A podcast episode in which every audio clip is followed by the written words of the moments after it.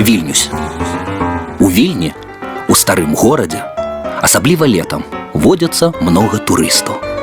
Паміж хаджэннямі ў гатэлі, крамы і рэстараны яны бывае выправяцца і на экскурсію.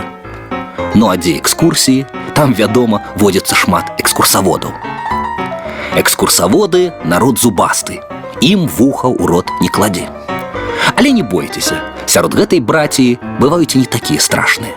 Гэта экскурсаводы любителі, якія насамрэч любяць тое, чым займаюцца. Яны проста гуляюць па горадзе, прыглядаюцца да вас, прыслухоўваюцца, на якой мове вы гаворыце, і ў пэўны момант, калі вы заблукалі, ды пачынаеце ўзірацца ў план места і ваша галава схіляецца як той пытальнік, а ў вачах і на языку таксама адны пытальнікі, экскурсавод любитель прыходзіць на дапамогу. Нібы выпадкова кіне адно слоўца, другое, і вось вы ўжо заслухаліся. Ён павядзе вас па нябітых турыстычных сцежках, пакажа вам не піраміды і муміі, а жывы горад і жывых людзей. Адзін раз і я на такога нарваўся. Прыехаў з Менску, вільню яшчэ ведаў слаба, трохі зблудзіў. Мне дапамог адзін мясцовы чалавек, як потым аказалася вялікі краязнавец Сцяпан Дзін Дзелевіч. З ім я дайшоў аж да катэдральнага пляца і ўжо быў памкнуўся да бажніцы з вялікімі скульптурамі, як мой экскурсавод развярнуў мяне ў адваротны бок. Я можа і не звярнуў бы ўвагі на камень валун, які стаіць наводдаль ад заўсёднага турыстычнага маршруту. Ну, як вы думаеце, што гэта такое? З хітраватай усмешкай спытаўся дзень Дзелевіч. Можа, гэта святкаваўся юбілей гораду, задумаўся я. 1325 год заснавання вільні. Але калі на кожны юбілей ставіць па такім камені, то што ж гэта будзе? Імя і гады праз рысачку.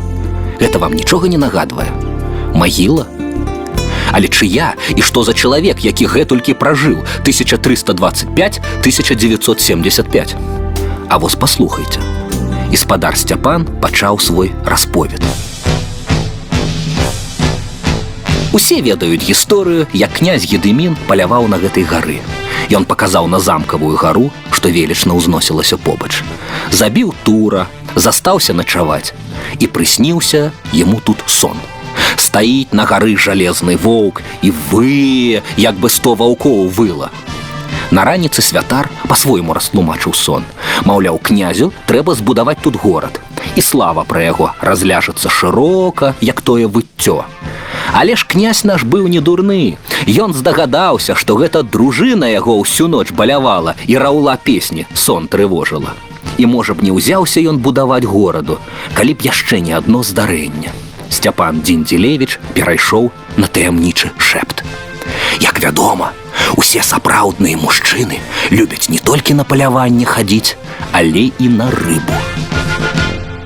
Вось і наш князь увечары пайшоў на тое месца, дзе рачулка Вленка уліваецца ў раку віллю. Там вельмі добра ловіцца рыба, заўсёды рыбакі стаяць. А наш князь закінуў сеці і злавіў. Як вы думаеце, што? Залатую рыбку?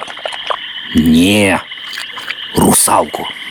Была яна страшэнна прыгожая, уся чыста белая, аж серабрыстая. Вочы сінія, валасы зялёныя, даўгія. Нашаму князю аж дух заняло. І здарылася паміж князем і русалкай у тую ноч каханне вялікае. Раніцай князь пачаў сваю каханку прасіць: « Паехалі са мной у трокі. Там у мяне замак на востраве, а кругом возера, будзеш там жыць і будзеш там княгіню.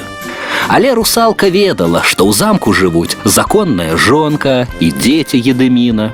Яна не хацела быць разлучніцай і прыдумала такую адгаворку. Хоць ты мяне забі, не магу пакінуць родную рачулку. Яна без мяне засохне, а я без яе засохну. Князь апошні раз абняў гладкія плечы русалкі. Не хацелася яму, каб гэткая прыгажосць засохла і адпусціў яе ў ваду. Гісторыя спадара Дзін Дзелевіча так захапіла мяне, што я прапанаваў яму схавацца ад ліпеньскай спёкі ў летняй кавярні непадалёк. І ўжо там ён працягваў.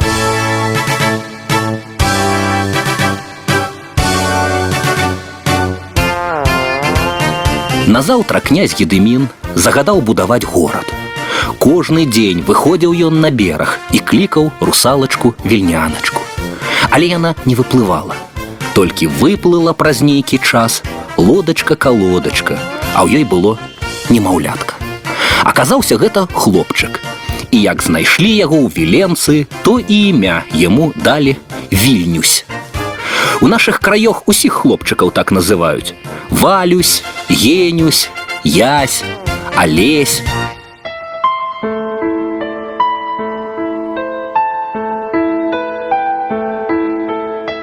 І толькі аднойчы яшчэ русалачка з'явілася перад князем. А было гэта ў 1341 годзе. Адчула сэрца ейнае вялікую пагрозу для гедыміна і прасіла яна, каб не ехаў князь нікуды. А ён сказаў: « Хоць ты мяне забі, не магу. Каб пацвердзіць свае словы, дастаў меч, узяў залязо і перадаў русалцы. Хоць ты мяне забі, я прысягнуў бараніць свой край і народ ад чужакоў. І паехаў князь на вайну і ў тым паходзе загінуў. І стаіць цяпер у вільні тры помнікі. Князю Гедыміну каля ягонага замка, русалатцы на беразе рачулкі віленкі, а вільнюсю вось тут гэты самы камень. Калісьці гэтая гісторыя была запісаная на самім камені унізе, але з цягам часу літары сцёрліся. Дык чым жа той вільнюс праславіўся, што яму тут помнік паставілі. Ну, вы ж разумееце, што князь Едымін не мог прызнаць яго сваім законным сынам і адправіў на ўзгадаванне ў вёску.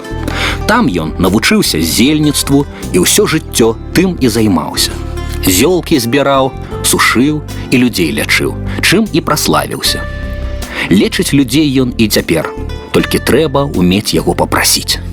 І на развітанне мой экскурсавод загадкавым голасам адкрыў сакрэт. Бачыце, у ягоным імені на помніку не хапае мяккага знака.